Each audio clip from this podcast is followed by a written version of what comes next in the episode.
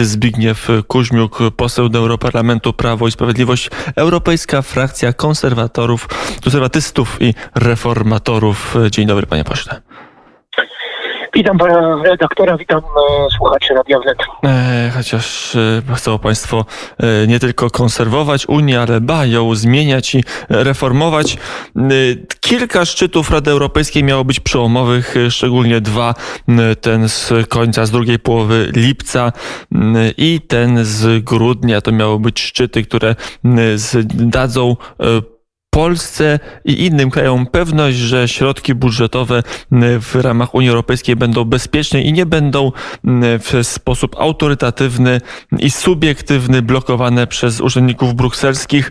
Czy ten spór, panie pośle, udało się koniec końców w roku e, 2020, w roku pandemii, e, zażegnać i ustalić tak, aby e, Polska e, i inne kraje były szczęśliwe? Wie no jeżeli przyjąć, że, te rozstrzygnięcia z grudnia Rady Europejskiej końcu no, jednak najważniejszego organu e, Unii Europejskiej będą przestrzegane, no to wszystko wskazuje na to, że, że tak. Natomiast gdyby miało dojść do tego, że one przestrzegane nie będą, no to będziemy mieli no, znowu problemy i przepylanki.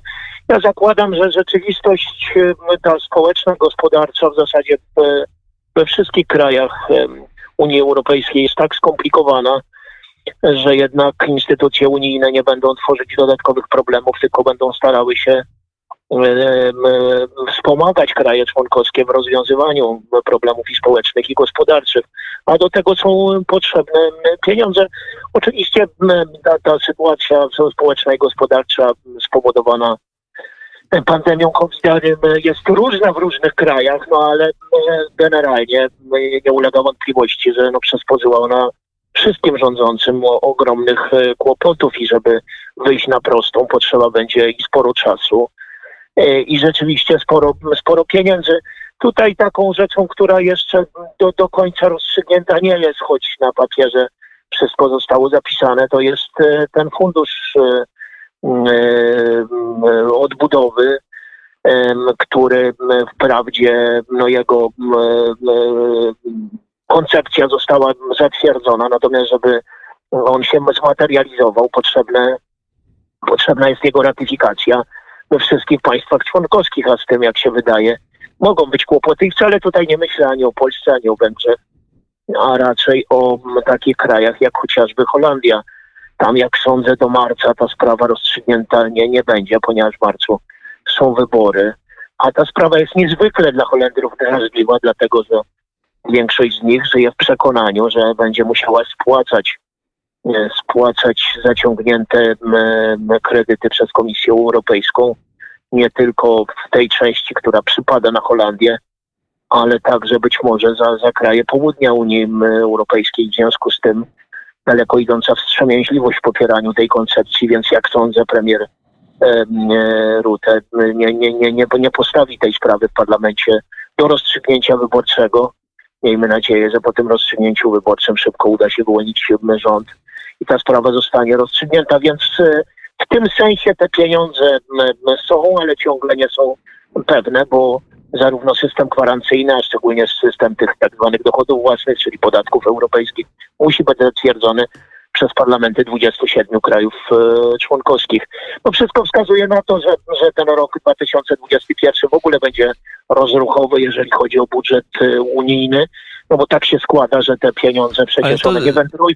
Zanim Nie wędrują do budżetu, bo one się trochę jeszcze będą buksować w Europie, zanim popłyną do kra- krajów członkowskich, ale o tym procesie powiemy może Tak, bo później. to wszystko musi być, wie pan, być przygotowane programy, a tak naprawdę no, mamy e, powiedzmy zarys środków finansowych, natomiast e, oprogramowanie do tego jest jeszcze ciągle w lesie. I to na poziomie unijnym i to, które ma być przygotowane przez kraje członkowskie e, i także przez regiony poszczególnych krajów członkowskich, bo przypominam, że część pieniędzy ma charakter zdecentralizowany i trafi do samorządów, w naszym przypadku samorządów województw.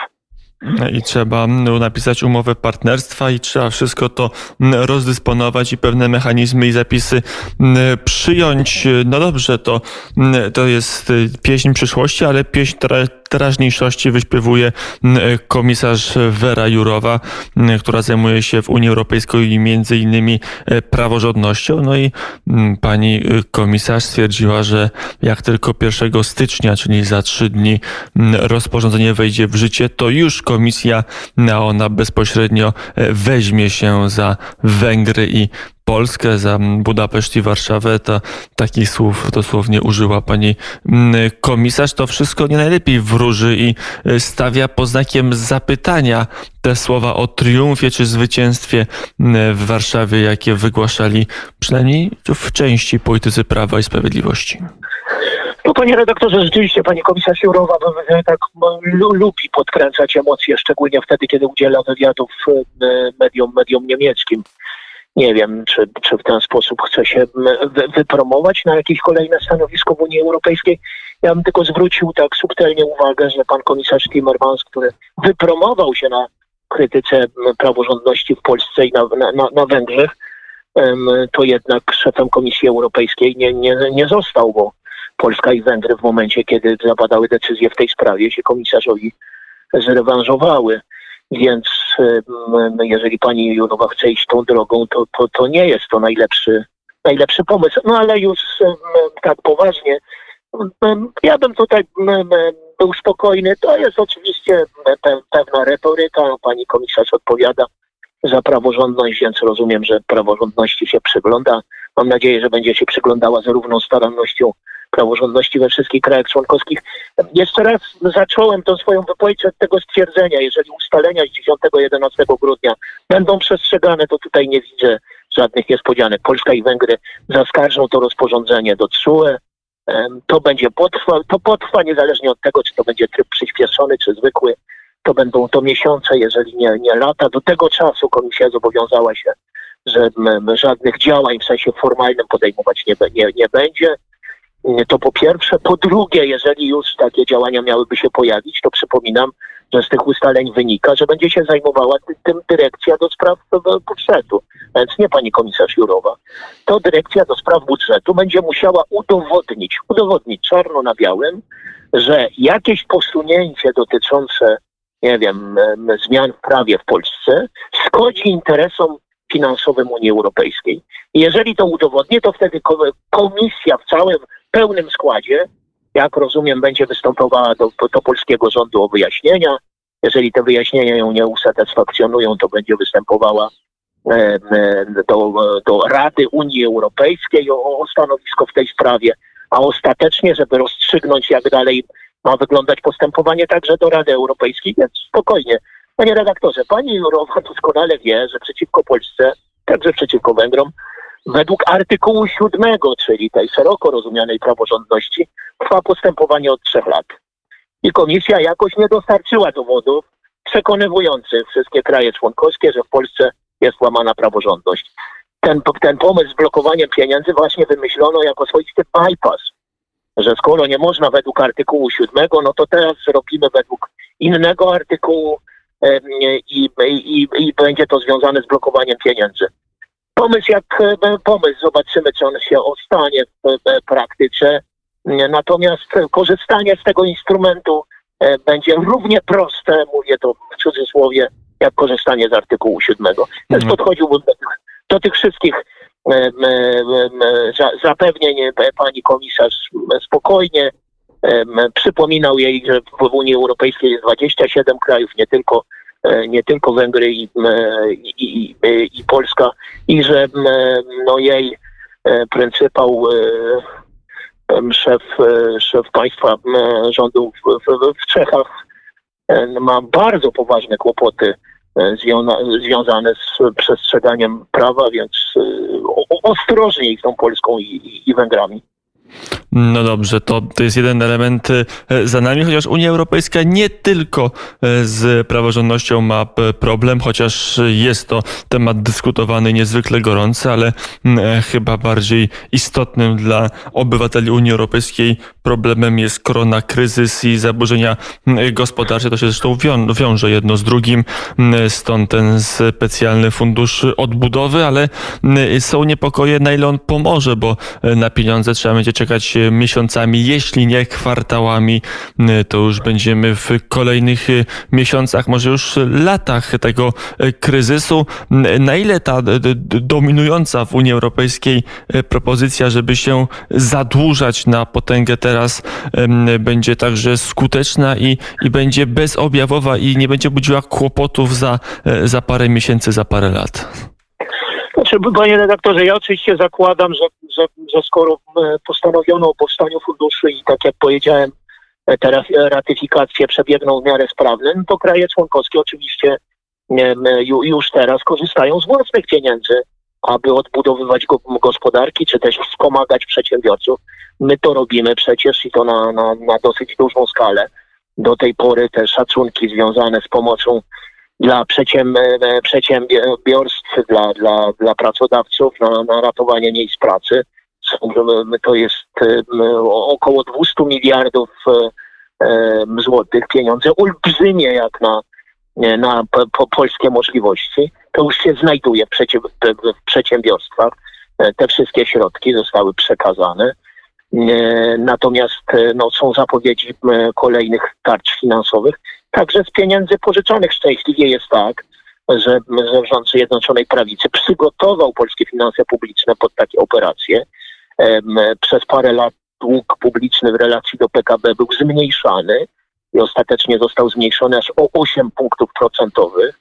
W ten sposób w tej chwili mamy możliwości, zarówno jeżeli bierzemy pod uwagę modelologię krajową, jak i unijną, do tego, aby, aby powiększając zadłużenie, wspierać polskich przedsiębiorców.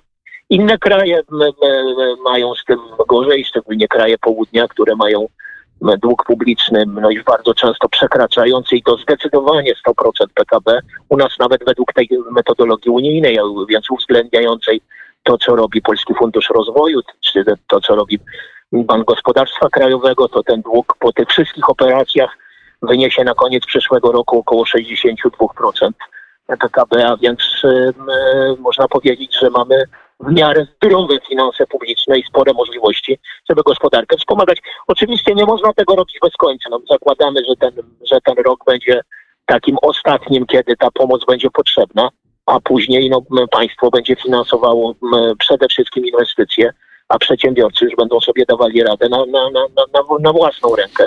Więc mm. tutaj jestem o, o optymistą, zwłaszcza, że Polska skończy ten rok właśnie dzięki tej precyzyjnie adresowanej pomocy.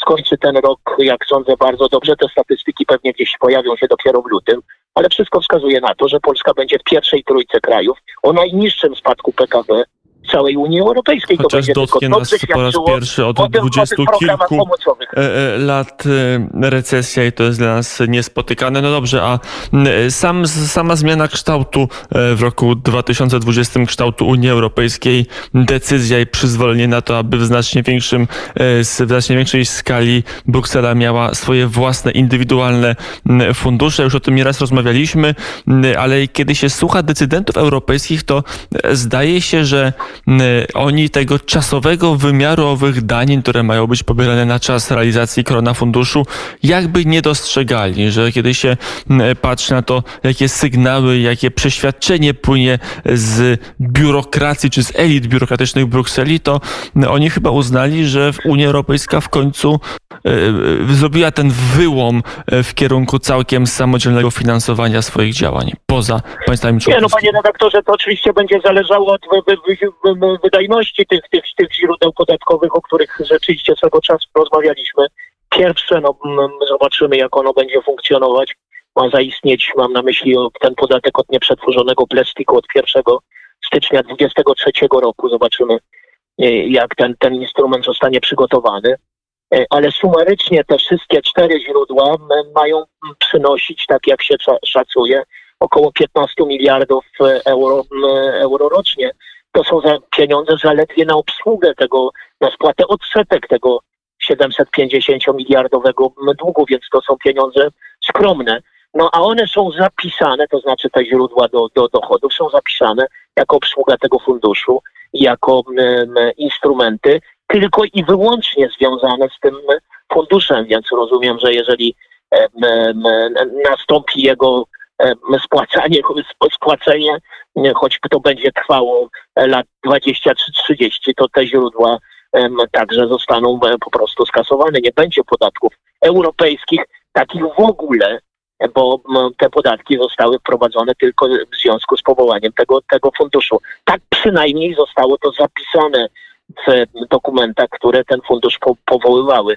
Natomiast nadzieja na to, że no w związku z tym, że będą już podatki europejskie w związku z tym niepotrzebne będą państwa członkowskie, e, a Unia Europejska stanie się superpaństwem, moim zdaniem są złudne. To jest próba, rzeczywiście takie próby ciągle są ponawiane, E, ale ta koncepcja nie wytrzymuje próby czasu i dopóki rzeczywiście Unia Europejska będzie stowarzyszeniem 27 w tym przypadku krajów, które są nastawione na współpracę przede wszystkim gospodarczą, będzie odnosiła sukcesy, jeżeli będzie zajmowała się ideologiami, no właśnie tworzeniem społeczeństwa europejskiego i tego rodzaju rzeczami, to jest skazana po prostu na porażkę, bo to jest wbrew po pierwsze interesom państw narodowych, po drugie wbrew naturze.